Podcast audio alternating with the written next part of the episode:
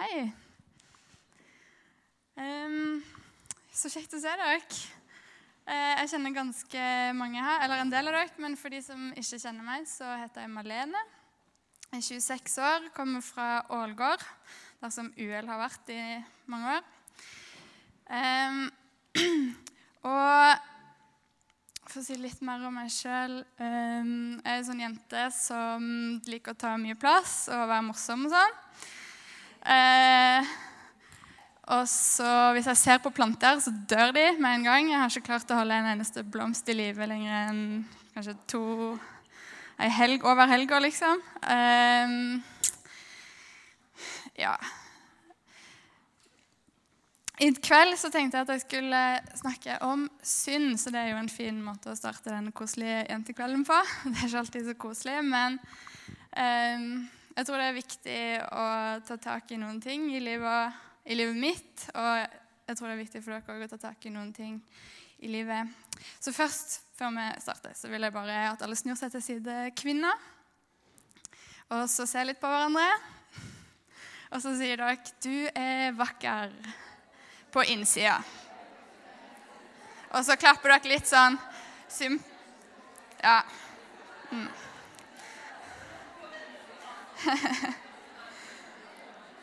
takk, takk. Det er flott.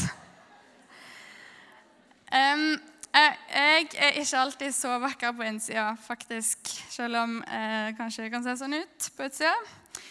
Um, og så nevnte Maria i stad um, når hun innleda noe om sammenligning. og Det var der jeg hadde tenkt å begynne. Vi snakker ofte om sammenligning i forbindelse med selvbildet. Eh, og hvordan det skader deg fordi du vurderer deg sjøl dårligere eller kanskje bedre enn noen andre. Men så tror jeg ofte vi glemmer å ta tak i grunnen til at vi sammenligner oss. Hva er det som ligger bak det? Hva er det som er det egentlige problemet, rota til det at vi driver og sammenligner oss med hverandre. Bare, dette gjelder ikke bare jenter, dette gjelder gutter òg. Um, ehm, ja. Og jeg tror at det er eh, i stor grad sjalusi og misunnelse at det er rota. Um, men tenker mange, eller Jeg skal ikke si at alle gjør det, men ofte så tenker jeg sånn Å, jeg skulle ønske jeg hadde så perfekt kjæreste som uh, hun. Eller å, de er bare for perfekte, liksom. Eller jeg skulle ønske jeg ble sett opp til eller uh, fikk anerkjennelse eller ble verdsatt sånn som henne eller sånn som han. Um, alle liker bare hun fordi hun er pen, eller ja, sånn. Um, for det første så er det en kjempegeneralisering, men jeg tror alle har sånne generaliseringer om noen. Um, og vi ser ikke hele bildet. Uh, og da tror jeg at det kan bli en misunnelse som framstår eh, som en irritasjon. det kan framstå som at du er for deg sjøl, altså, som at du er såra eller lei deg. og det er ikke synd å være eh, såra eller lei seg. det er ikke synd å være litt irritert. Det, det jeg har lyst til å si, er at jeg tror følelser kan lure oss. Um, og så vil jeg spørre deg om du er oppmerksom på hva det er du faktisk føler. Om du tør å ta en selvransakende runde med deg sjøl og kjenne er jeg sjalu eller er jeg misunnelig nå egentlig. Hvorfor? Um, I Bibelen så står det ganske mye om dette. Det vet, vet dere kanskje. Uh, jeg skal lese fra, om åndens frukter. Det står i Galaterne 5,19. Jeg har det ikke på skjerm, så dere får bare følge veldig godt med. Ok? Um, Galaterne 5,19. Og det her er litt sånn eh, tøft å høre, kanskje, eh, men vi tar det. Så. Vi er tøffe jenter. Eh, det er klart hva slags gjerninger som kommer fra kjøttet. Hor, umoral, utskeielser, avgudsdyrkelse, trolldom, fiendskap, strid, sjalusi, sinne, selvhevdelse, stridigheter, splittelser, misunnelse, fyll, festing og mer av samme slag. Jeg har sagt det før, og jeg sier det igjen. De som driver med slikt, skal ikke arve Guds rike. Men åndens frykt eh, er, hør nå, er kjærlighet, glede, fred, overbærenhet, vennlighet, godhet, trofasthet, ydmykhet og selvbeherskelse. Slike ting rammes ikke av loven. De som hører Kristus til, har korsfestet kjøttet med dets lidenskap og begjær. Lever vi ved Ånden, så la oss også vandre i Ånden. La oss ikke være drevet av tom ærighet, så vi utfordrer og misunner hverandre. Um, og jeg tror det bibelverset Det er så masse ting, og så leser vi det, og så blir det bare sånn wow. Og så kjenner man, man seg kanskje igjen i den ene eller den andre tingen. Men jeg tror det er så viktig å ta det ordentlig på alvor, det som står her um, om kjøtt, kjøttets frukter uh, og åndens frukter. Uh, fordi sjalusi og misunnelse det var to av de tingene som står her. Det sto mange ting, men det var to av de det, når det tar tak i deg, så, så sette, det kan sette seg i hjertet. Det blir et sånn mørke uten at du engang merker det fordi du tror det er noe annet. Du tror at eh, det er noe som noen andre har påført deg, kanskje. Eh, at det ikke er din feil. Um, men som kristne og Det er ikke bare kristne som, har, altså, som, er gode mot hverandre, det er ikke det jeg vil si. Men som kristne så har vi Den hellige ånd, og da har vi òg muligheten til å få åndens frukter, godhet og vennlighet, tålmodighet, disse tingene. Eh, men vi må òg være obs på kjøttets eh, frukter, som det står om her. Eh, jeg, en, jeg, tror jeg har vært en del sjalu og misunnelig, kanskje mer enn jeg har trodd sjøl. Eh, og i hvert fall mer enn jeg vil innrømme at jeg har vært. Fordi det er ingen som liker folk som er misunnelige. Eh, og så har jeg, jeg har ikke tenkt det sjøl, at det, var det jeg var. Eh, fordi, nettopp fordi det gjemmer seg som sånne andre følelser. Eh, og at det er noen andre som gjør det ved å f.eks. gi andre muligheter og viktige oppgaver, og ikke til meg. Eller ved å inkludere noen andre og ikke meg eller ved å rose noen andre mer enn de roser meg.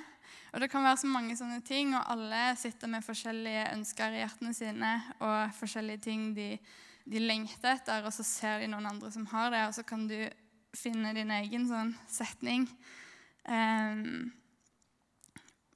der du på en måte blamer noen andre for det du føler. Um, for så var jeg ganske lenge livredd for at lillesøstera mi skulle få seg kjæreste før meg. Eh, det er kanskje noen som kjenner seg igjen i det, som har småsøsken. Eh, jeg ble, kunne bli trist og lei av andre sin suksess, f.eks. At noen andre fikk noe bra. Akkurat som om det er en konkurranse. Eh, hvis jeg får noe bra, gjør det det mer dårlig. Hvis, hvis jeg ja, får en god gave, gjør det at det blir mindre igjen til deg. Det er helt feil. Og det er det Bibelen òg sier sånn til oss at vi ikke, ikke skal tenke sånn. Eh, for, fordi vi er kalt til å glede oss over hverandres lykke. Og glede oss over de gode tingene som andre jenter får, andre gutter får.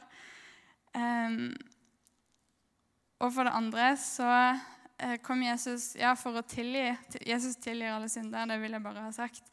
Um, men òg for å fri oss fra synd her og nå eh, som sjalusi og misunnelse er. Og jeg tror at man kan velge å be om at sjalusi og misunnelse skal fare ut av hjertet ditt. Um, men da tror jeg ofte vi trenger å gjenkjenne følelsene når de kommer. Og tørre å kalle de det de er, og si OK, nå er jeg faktisk sjalu. Uh, og det Ja, hva skal jeg si? Når man lærer seg å gjenkjenne det, så kan man ta det ved rota. Og det er det jeg har lyst til å formidle til dere. Hvor mye bedre man får det. Man blir satt fri hvis man klarer å kjenne seg sjøl, kjenne sine egne følelser og ta det ved rota. Um, og det tror jeg òg blir lettere når man lever nærme Jesus, som setter fri. Um, og da kan du si at du fortjener virkelig en kjempeflott kjæreste. Eller du, 'Så flott at du blir sett og verdsatt.' Eller 'Du er skikkelig pen.' Sant? Uten å kjenne på en sånn 'Å, jeg skulle ønske jeg hadde det så fint sjøl'. Og jeg håper faktisk at søstera mi får en fantastisk flott mann før eller etter meg. Samme, det, gjør, det er akkurat det samme. Og da kan jeg si det til henne og mene det med et vakkert hjerte. Og det er det jeg har ønsket for alle jentene i misjonssalen, at vi skal være jenter som har vakre hjerter, og som eh, ikke egentlig går rundt og misunner hverandre og sammenligner oss. Eh, og jeg hadde bare lyst til å gi dere et slags lite redskap for, for å kjenne igjen eh, Kjenne igjen når følelsen egentlig er ta, der du kan ta ansvar for dine egne følelser og faktisk gjøre noe med det. Eh, så tror jeg at Jesus svarer på bønn, og at hvis du ber om eh, Det har jeg erfart. Hvis jeg ber om å, å bli fri fra misunnelse og sjalusi, så gir det slipp. Og det letter hjertet veldig, og du får et veldig vakkert hjerte. Og som en kompis av meg sa eh, når jeg sa at jeg skulle snakke om dette, så sa han at det de jentene med vakre hjerter er faktisk de aller fineste. Mm.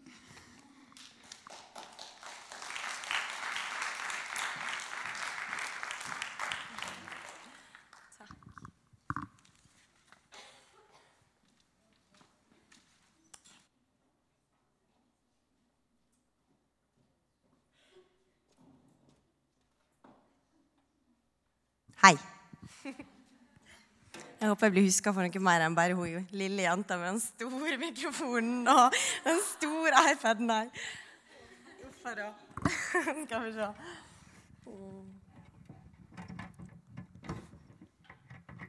Sånn. Og så må jeg innrømme at jeg blir litt bitt av hverdagsbasillen, jeg også. Og jeg har hatt veldig masse å gjøre. Så selv om dette er noe jeg kanskje har gått og tenkt på kjempelenge, det er jo det. Um, så skrev jeg det ferdig i dag. Så dere får bare ha litt uh, tålmodighet med meg at det kanskje blir litt, litt oppramsing. Før jeg begynner med det jeg egentlig skal snakke om, så har jeg lyst til å bare dele noe som jeg ble litt minnet på under lovsangen. Og det er det at Gud, pappa Gud, han er så sjukt fan av dere. Hver og enkelt av dere som sitter her.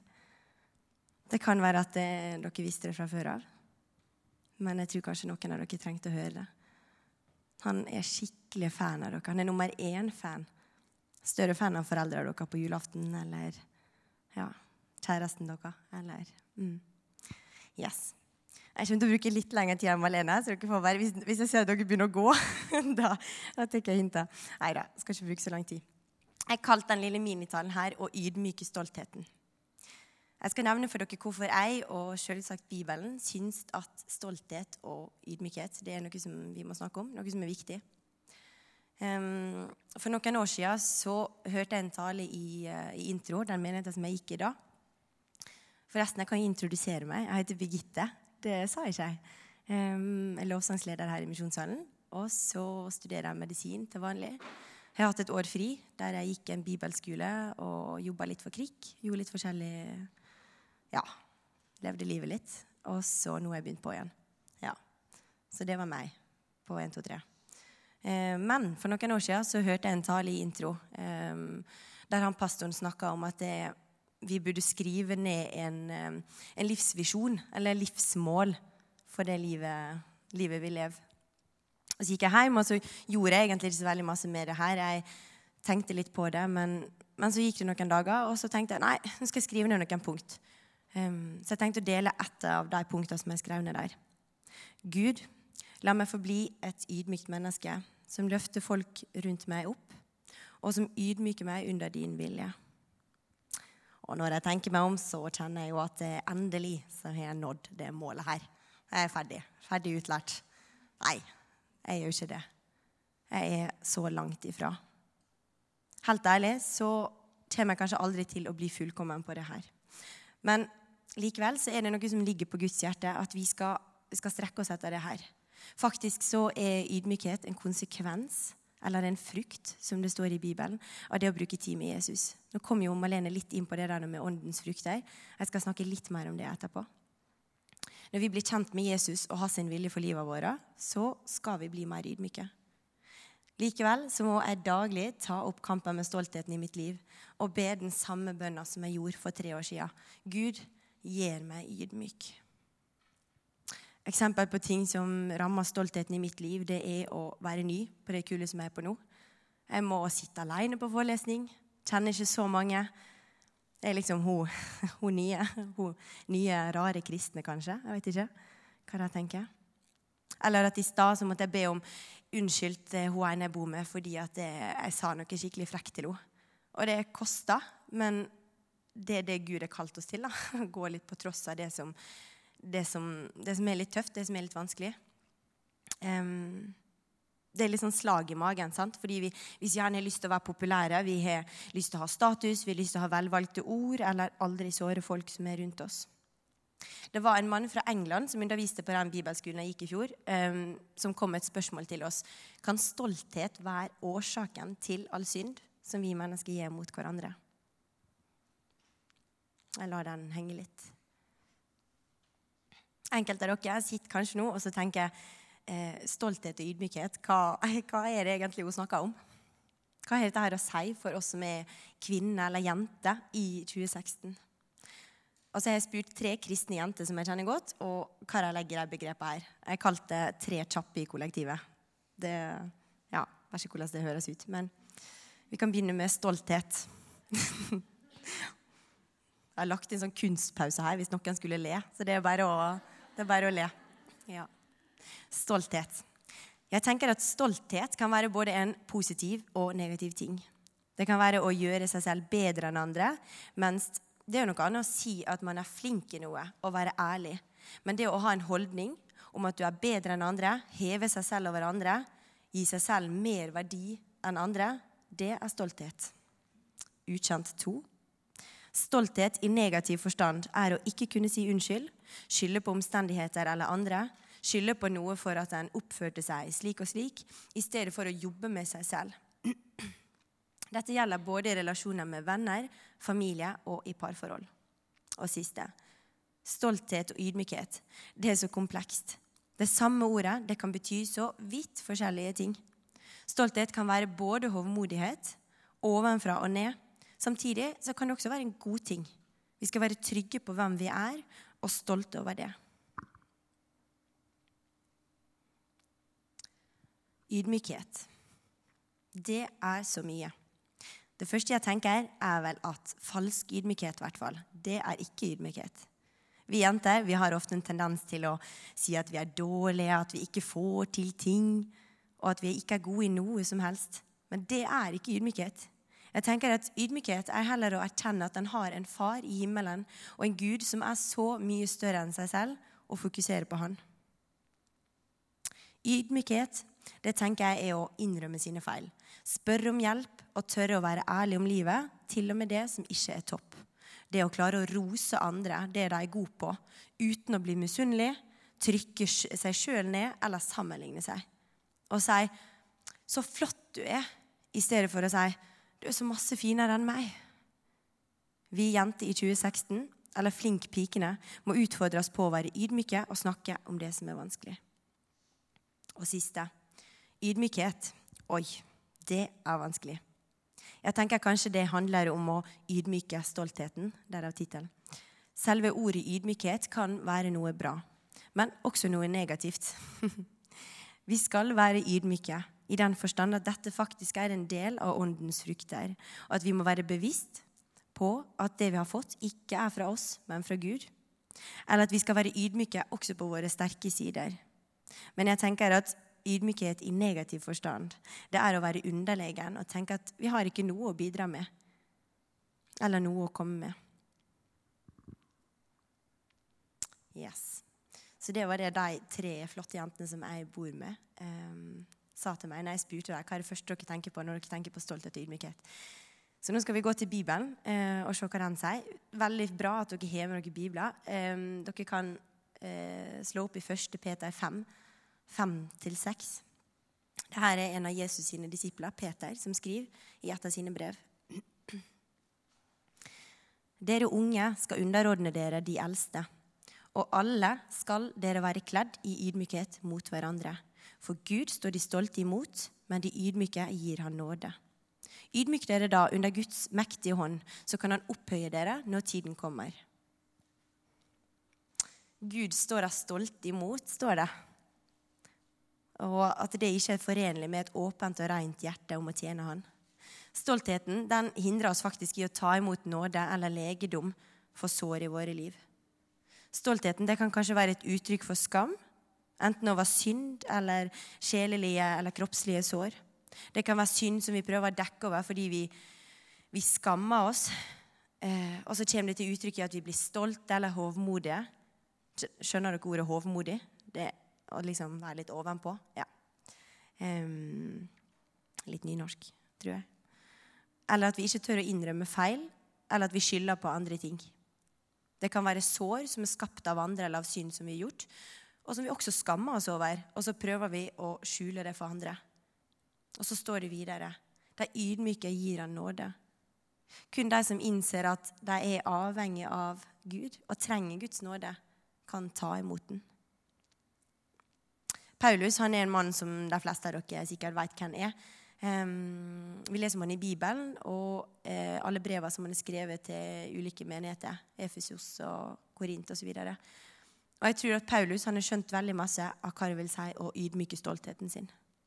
Han var en gang en stolt og from jøde. Sant? Han var omskjedd etter lova og forfulgte de kristne. og var, Han var skikkelig, hadde skikkelig høy status. Han var, han, var, kjempestolt. Eh, levde etter Guds bud. Og så møter han Jesus. Og i det møtet her så blir Paulus fullstendig ydmyka og avkledd.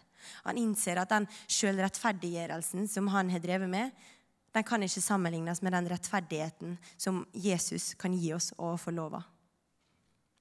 I Galaterbrevet så skriver han også litt om hva konsekvenser det får for oss som er kristne i møte med den nådige Guden, hans kraft og kjærlighet. Så kan vi slå opp i Galaterne 5, vers 22-26 de som har bibler. Galaterne 5. Men åndens frukt er kjærlighet, glede, fred, overbærenhet, vennlighet, godhet, trofasthet, ydmykhet og selvbeherskelse. Slike ting rammes ikke av loven. De som hører Kristus til, har korsfestet kjøttet med dets lidenskaper og begjær. Lever vi ved Ånden, så la oss også vandre i Ånden. Og la oss ikke være drevet av tom ærgjerrighet, kanskje stolthet, så vi utfordrer og misunner hverandre.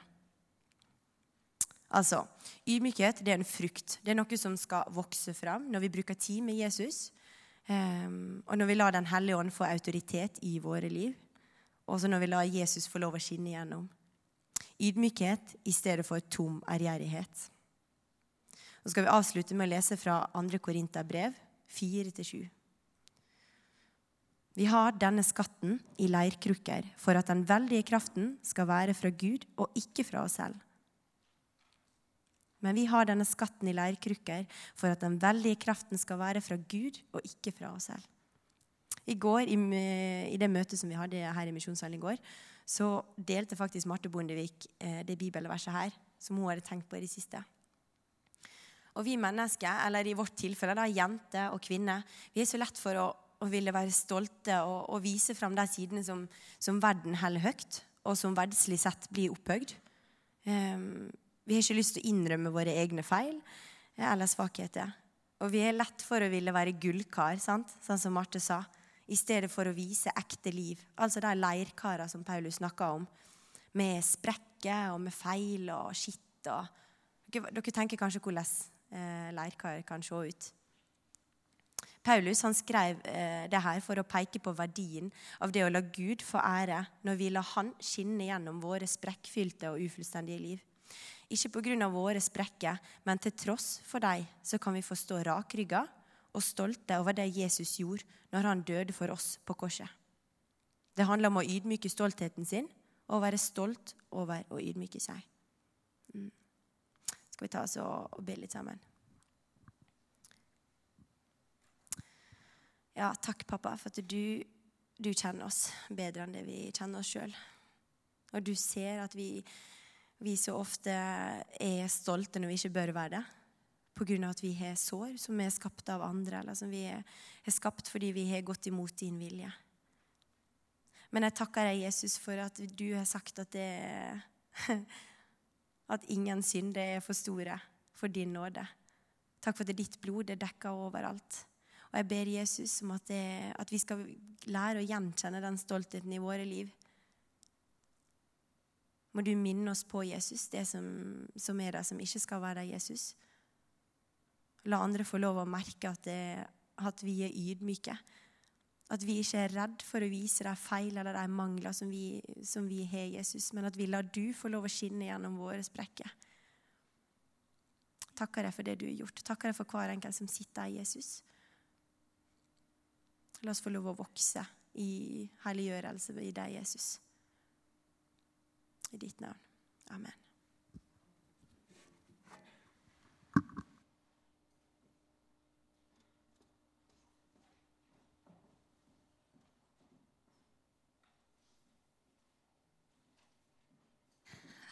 Da var det min tur å holde den store mikrofonen.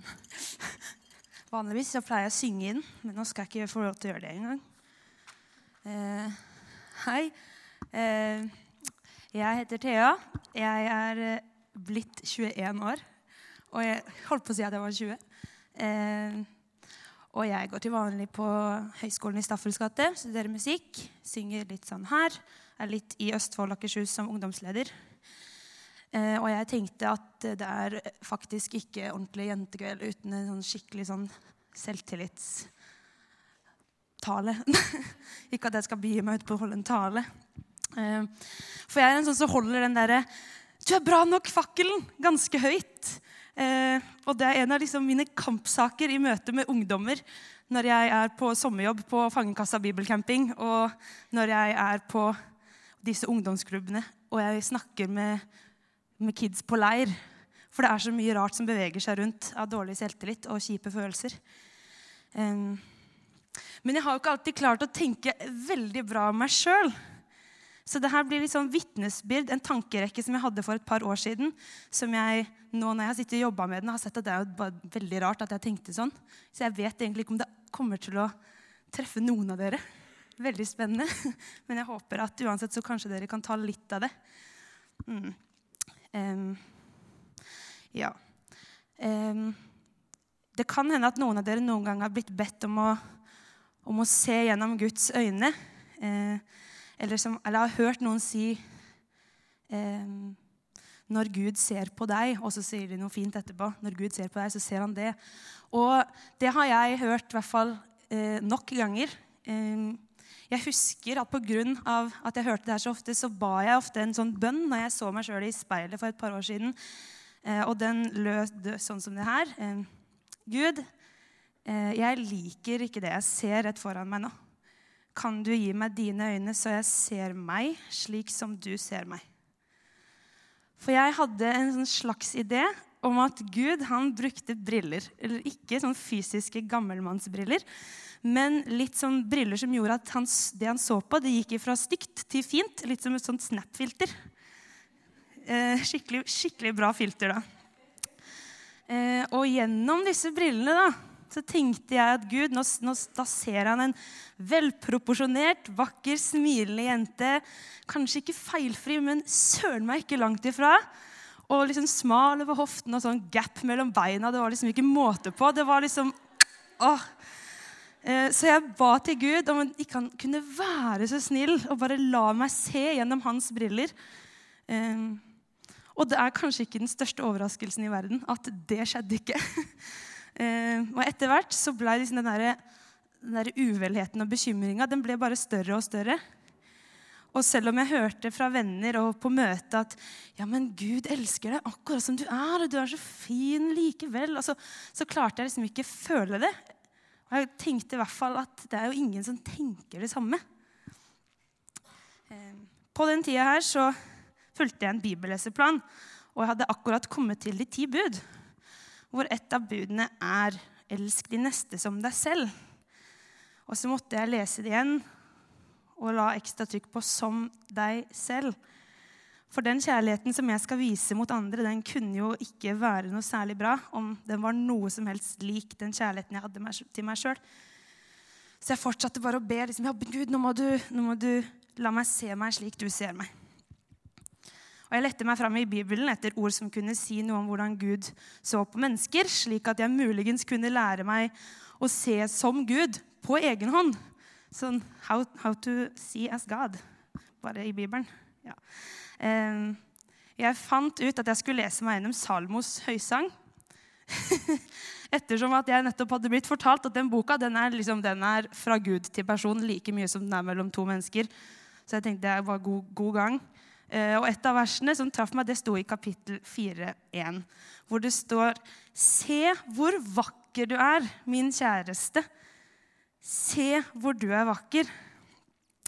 Og nå hadde det stått mange mange lignende vers før kapittel 4 i den boka, fordi vakker er et utrolig hyppig brukt ord. Men akkurat da så var det liksom som at Gud sa, 'Se da, Thea. Ser du ikke at du er vakker?' Og likevel så klarte jeg ikke å være enig. Fordi Gud han så jo på en sånn spesiell måte, og det funka ikke så lenge vi så på to forskjellige måter i hodet mitt. Um, til en dag når jeg satt i en time og tegna. For jeg tegner ofte når jeg ikke har lyst til å følge med.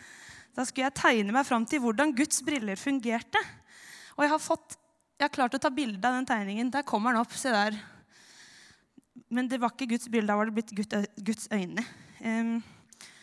Og Det er en tegning som kan minne litt om en sånn slankekur før-etter-bilde, hvor halve personen er før og halve er etter. Men istedenfor en sånn strek så er det en brilleglass. Og så er det etter min standard hva jeg tenkte da som at jeg så til høyre, og hva Gud ser i brilleglasset.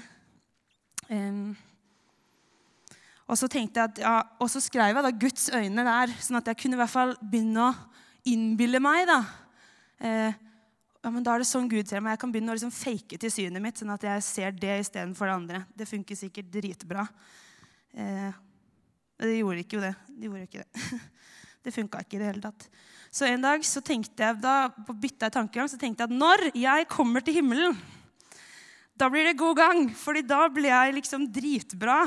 Og da blir jeg sånn som Gud vil at jeg skal være, og da blir jeg vakker og flott, og da skal jeg bli sånn som jeg skal se ut.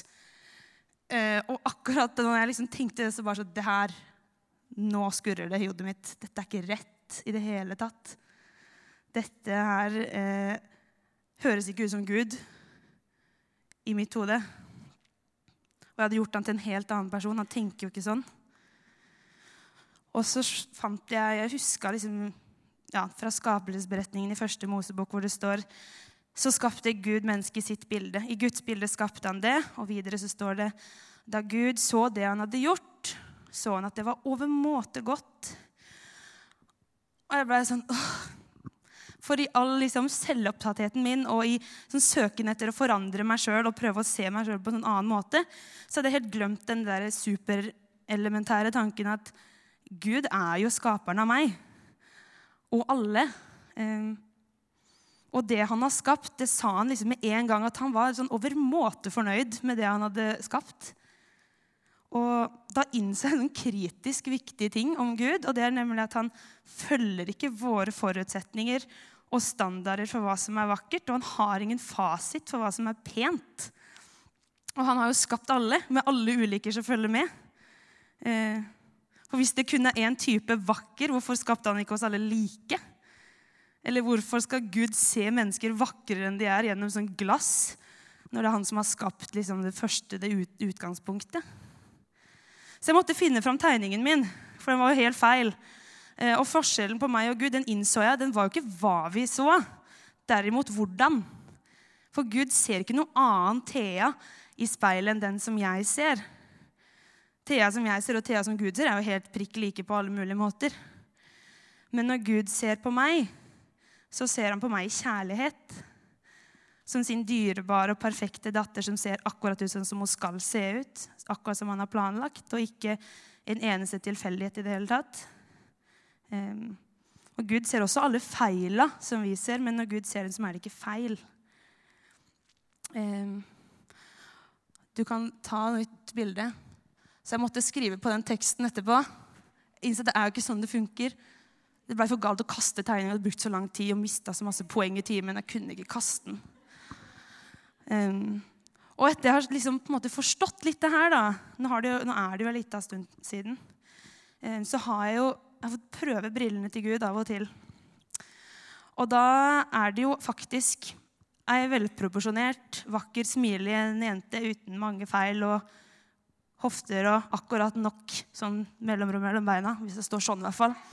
Eh, for det er ikke bildet som forandres, men det er måten å se på det. Og det er så mye bedre å leve etter Guds standard fordi han har skapt deg og meg akkurat sånn som vi er ment til å se ut. Så det er ikke alltid jeg klarer å tenke sånn nå heller, men jeg vet i hvert fall hva Gud faktisk tenker, hva som er sant, og hva jeg skal fylle meg med. Så de fungerer altså ikke slik. Hvis noen noen gang har tenkt på samme måte som meg, så er det ikke sånn.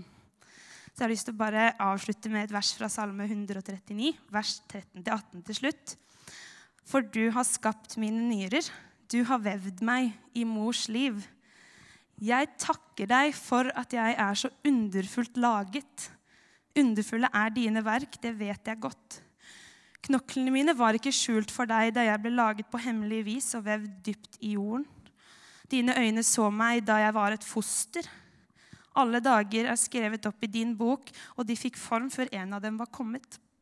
Dine tanker, Gud, er dyrebare for meg, og summen av dem er ufattelig. Teller jeg dem, er de talløse som sand, og blir jeg ferdig, så er jeg ennå hos deg.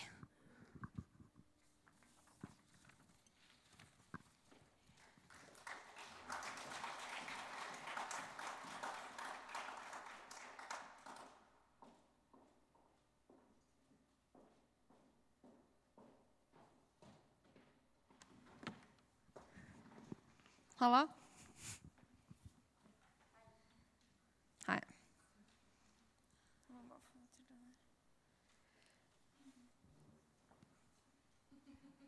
Fryktelig liten skrift, da. Er det mulig? Det var bra. Hei, hei. Eh, Jeg heter eh, Ingrid Vatnar Olsen. Jeg blir, eh, kalt for Ivo, som da er initialene mine. For de som ikke skjønte det, så bare kall meg Ivo. Jeg er 21 år og kommer fra eh, Fli, Flisa. Hedmark. Og så nå så studerer jeg noe som heter tekstforfatter på Westerdals. Og det er veldig gøy. Så det var litt om meg. Dere, vi lever jo i et samfunn som er litt skrudd. Vi gjør jo det. Og det er jo tydeligvis viktig å se bra ut. Det er viktig å ha penger, og så er det viktig å være lykkelig. Vi lever i et overfladisk fasadesamfunn som forteller at vi skal skape vår egen sannhet, og at vår verdi den baseres på hva vi får til, og hvordan vi ser ut. Og sex, det er jo overalt. Og vi skal jo ikke, vi skal ikke ljuge og si at vi ikke blir påvirka, for det blir vi jo. Vi bryr oss om likes og hvordan vi ser ut. Det, det må vi være ærlige på, eh, som det er. Og det her det skal ikke være en kjennepreken eh, eller gjøre oss alle til flinke piker.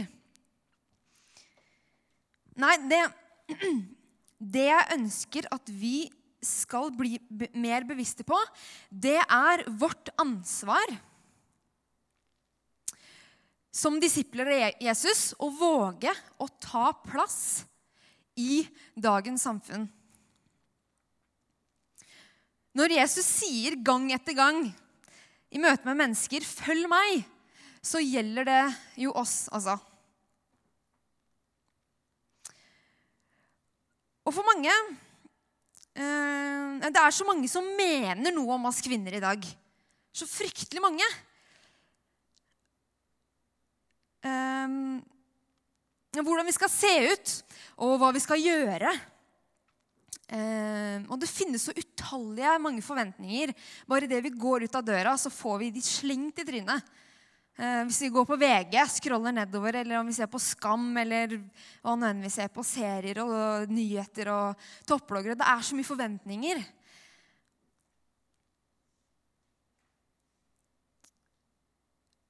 Og skal vi være annerledes i det her, da, som vi er kalt til, så må vi velge å leve annerledes med hele vårt liv. Vi jenter, vi kvinner, vi kan være en motkultur i det samfunnet her ved å nettopp leve så tett opp mot den som overhodet mulig uten å bli en del av den. Og det greier vi ikke alene. Vi har ikke sjans.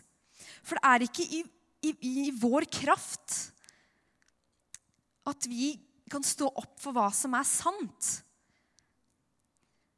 Og det er ikke ved vår styrke at vi kan være et lys for de rundt oss.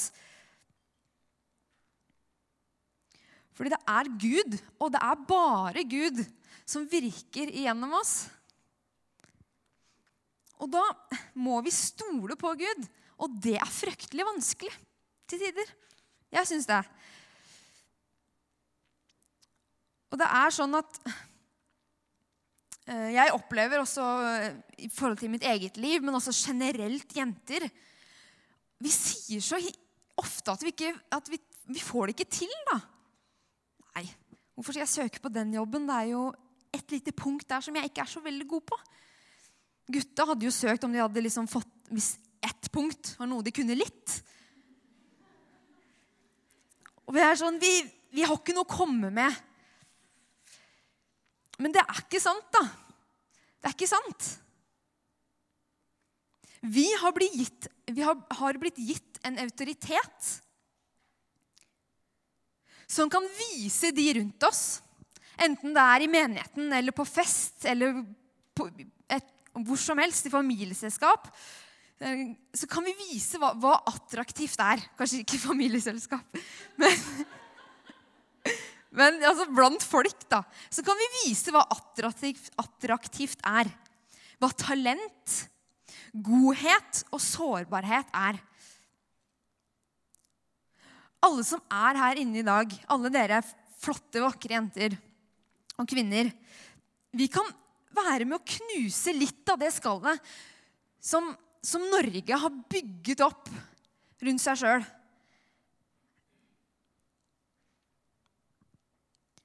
Det er en, som er en blanding av det ytre og det materielle. Det uoppnåelige. Det perfekte. Folk i dag i Norge de lengter etter å bli elska. Og vi kjenner jo han som kan fylle alle våre lengsler og behov. Og det er jo helt sjukt at vi kjenner Gud. Og at vi får lov til det, å ha en personlig relasjon med Gud. At vi kan, at vi kan elske de som, som, drikker seg dritings hver helg, og som, og som, ligger rundt og som skryter av sine penger. At vi kan be for Sofie Elise, som for noen dager siden la ut en film at hun råklina med, med en annen topplogger. At vi kan sende melding til, til noen av de vi har gått på ungdomsskolen med, som vi ikke kjenner så godt nå, men som studerer i byen, og bare si 'Halla, skal vi ta en kaffe', eller? Og så handler det ikke om vi og dem, men det handler om oss. Oss mennesker som er ønska og elska av Gud. Jeg opplever at eh, det kan være vanskelig å få med, folk, eh, få med folk i kirka. Jeg, jo, eh, jeg har ingen kristne i klassen. Og det syns jeg kan være vanskelig å få med folk i fylla, da, der jeg går. Um, men da får vi ta med kirka ut, da. Gud vil ikke at vi skal isolere oss og privatisere troen, som samfunnet sier at vi skal gjøre i dag. Hysj, du må ikke si hva du tror på. Det, vi driter jo i det. Men vi kan være synlige og tydelige på hvem vi er, der vi er. Altså, vi er kirka. Vi er kirka. Fordi Gud bor i oss. Men for å våge da, så må vi først og fremst gi Gud plass til å virke gjennom oss. Vi må gi Gud plass. Og så må vi ha trua på oss sjøl. Og det er, det er, jo en klisjé å trua på seg sjøl, liksom. Men vi bærer på så mange talenter og drømmer som jeg tror Gud har gitt oss for en grunn. Som vi tenker altfor smått om. Ja, jeg kan synge, da, men jeg, altså, jeg er ikke så flink. Eller et eller annet eh, jeg er god til å Da kommer jeg ikke på noe. Men altså, vi, er gode på så sykt mange forskjellige ting, da. Og det skal vi i hvert fall heie fram. Altså, jeg tror Gud gir oss drømmer, og så gir han oss lidenskap. Enten det er å bygge menighet eller å bygge en bedrift som selger skruer, eller eh, noe annet. Og så kan det oppleves som om også janteloven finnes i kirka. Men vi skal, vi skal tro at vi er noe. Fordi Gud har skapt oss. Gud kan bruke oss i næringslivet, i politikken eller menighetslivet eller mediebransjen. Og det å bygge opp en bedrift eller bli kunstner eller artist, lærer eller Hvor mange studerer sykepleien her, egentlig? Ta opp hånda. Jeg trodde det var flere, faktisk. Eller sykepleier eller eh, kassadama på Rema. da. Altså jobb, det, det, finnes ingen jobb som er mer hellig. Det er ikke mer hellig å være prest enn å være søppelkjører. Det er sitat, sitat Martin Luther, faktisk. Og det er utrolig viktig å bygge menighet. Selvfølgelig er det viktig. Men Guds rike er ikke innenfor kirkas fire vegger. Vi skal ikke ut av verden, vi skal inn i den. Og vi skal være til glede og et lys for mennesker på samme måte som Jesus var til glede og et lys for mennesker. Og så er det viktig å tenke over at hva vi gjør, definerer ikke hvem vi er. Men hvem vi er, skal prege alt av det vi gjør. Enten det er hjemme eller på skolen eller med venninner. Så skal det prege hva vi sier, og hva vi tenker. Jeg ser et etterlengta behov for jenter og kvinner som tør å gå imot det lykke- og kroppsjaget som vi er vitne til i dag. Og det er kanskje lett å, å si det, å bruke sånne store ord og nå skal vi ut og redde verden, liksom. Men jeg veit hvor sjukt vanskelig det kan være. Og Derfor tror jeg det er viktig da, å snakke, være ærlig og åpen om det her og snakke sammen. Og det aller viktigste for oss jenter i dag i 2016, det er å bruke tid med Gud. Det er jo det. Selv om det er vanskelig. Å være stille, liksom. Det er jo det verste jeg veit. Å, fytti gata. Det Mark i rumpa, vet Fordi Gud vil fortelle oss hvordan vi skal ta fatt på de talentene våre og ta fatt på fremtiden. Og gi oss styrke til den tjenesten han har kalt oss til. Vi har ikke sjans alene. Og vi går jo på trynet stadig vekk. Det er jo menneskelig å feile. Men vi må ikke la det stoppe oss i å våge å være tett på de menneskene Jesus har sendt oss til. Ved å være tydelige på hvem vi er, og være til, tørre å være til innflytelse. Enten det er på Lovisenberg eller på Westerdals så kan vi, kan vi se at Gud forvandler menneskeliv. At Gud kan forvandle mennesker, og det forvandler, kan forvandle et helt samfunn.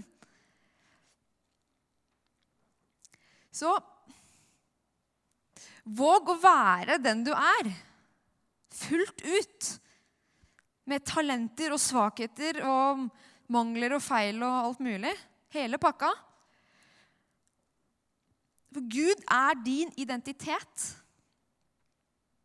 Han forlater deg aldri, og han vil virke gjennom deg. Og la oss fullføre det, det løpet som Gud har for oss. Fullføre det. Vi har store ting vi skal utføre før vi er hjemme. Som Gud har foran oss. Så vil jeg avslutte med et bibelvers.